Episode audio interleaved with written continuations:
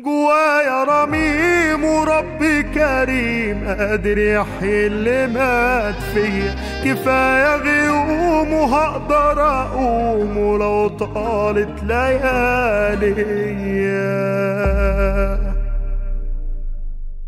إذا كان بعد اللي سمعته ده حسيت فعلا إن العلاقة متوترة وفيها انهيار بينك أو بينك وبين العيال؟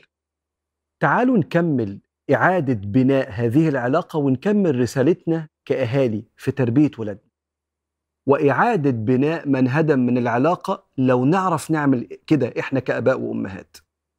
وأنا هقول للآباء والأمهات النهاردة خطوتين يعيدوا بيهم الانهار من العلاقة دي للبناء وترجع العلاقة قوية ونكمل ما تبقى من حياتنا كده في سلام مع عيالنا.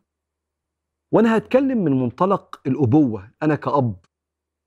مش عيب إن الأب والأم يكملوا رسالتهم التربوية بالاعتذار. ويمكن ثقافتنا ما فيهاش قوي اعتذار الكبير للصغير.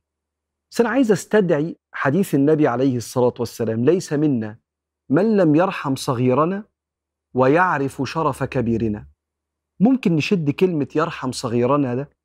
تعرف العيال لما يكون في أزمة بيننا وبينهم ونكون إحنا اللي غلطنا كأهالي في عنف أو إهمال أو طريقة تربية فيها مقارنة. وطلعوا العيال شايلين شوية وبعدين استك استك يعني متعثرين. العلاقة مش حلوة مش بيحبوا يقعدوا معانا مش بيحكي لنا مش بيحكوا لنا أسرارهم. في جفا إحنا حاسين بيه والموضوع واقف. لا العيال قادرين يقربوا لأن هم موجوعين ولا إحنا عايزين نعتذر. طب وبعدين؟ ما تيجي نكمل رسالتنا كأهالي ونجيب العيال كده ونفكر. تعرف سايكولوجيكلي نفسيا الاعتذار محطوط عند العلماء في شجرة الشجاعة لأن بعض الأهالي بيخاف يعتذر لعياله. لحسن العيال تاخد عليه. لحسن العيال تحس إنه ضعيف وهو المفروض دايما يبقى في مركز القوة عشان يعرف يربي. ده وهم. الاعتذار من أخلاق الأقوياء. بل التوبة إلى الله لما الإنسان بيتوب لربنا ده دليل على شجاعته واعترافه بخطأه وذنبه. فتعالوا نكمل. رسالتنا كأهالي في تربية ولادنا إن الكبير ممكن يعتذر عشان الولاد هيورثوا ده لعيالهم بعد كده. الخطوة التانية بعد ما تقرر إنك أنت تعتذر هقول لك الموضوع ده بيتعمل إزاي. بيسموها قعدة الصفا. مش لازم تعتذر بتدني ولا بتضاؤل إنما اعتذر اعتذار الكبار. هات ولادك كده لو أنت حاسس إن العلاقة منهارة وقعدهم كده على ترابيزة السفرة. قاعدة تشعر إنها رسمية شوية والكلام للأمهات والآباء. وقول لهم يا أولاد أنا بصيت على علاقتنا مع بعض ولقيت إن أنا مسؤول. لو إحنا في بينا جفا علاقتنا منهارة أنا مسؤول كأب أو كأم إن أنا أصلح ده. ده دوري. فأنا عايز أقول لكم إن لو كان حصل خطأ معين وضربت حد فيكم قبل كده أو شتمته بطريقة مش كويسة أو هزقته قدام العيال أو أنت حسيت إن أنا بفرق بينك وبين أختك ايا كان الخطأ اللي أنت بيسموه ال validation أنت بتقول لهم أنا حاسس بيكم. أنتوا من حقكم ان كنتوا تتاخدوا شوية وتزعلوا. ال validation ده تعزيز والموافقة على مشاعرهم بيحسسهم إن في حد حاسس بيهم وبيطمنهم إن في المستقبل ما دام أبويا وأمي حسوا إن هو وجعوني يبقى أنا هحس بالأمان. ما دام هو شايف إن اللي حصل ده غلط يبقى ممكن ما يتكررش تاني.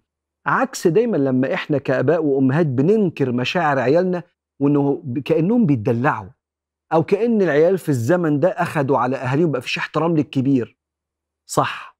الزمن ده بيفتقد الاحترام الكبير.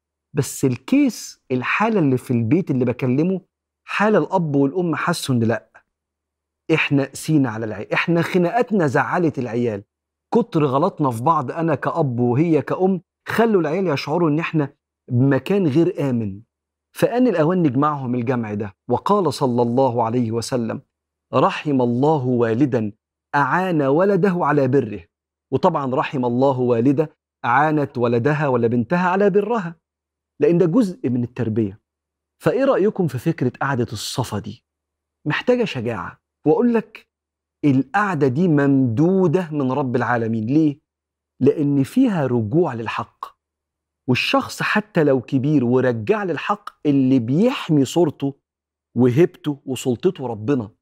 إحنا يا جماعة ربنا بيقول على قدرتنا ليس لك من الأمر شيء.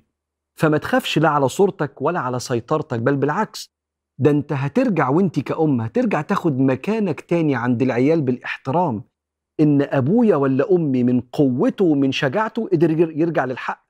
لما حس إن علاقتنا فاسدة ويبدأ ده يترسخ جوه الأولاد ويحصل أكبر خير بندور عليه وهو رجوع شمل العيلة ثم انتقال ده للأجيال اللي بعد كده.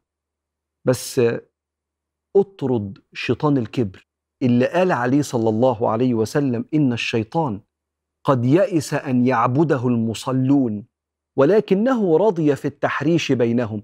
أكبر إنجاز للشيطان إنه يفرق ما بين اتنين متجوزين أو يفرق ما بين أهالي وعيالهم. ولو ده حاصل يبقى مسؤولية الأب والأم إعادة بناء وترميم من هدم من العلاقة مع الأولاد.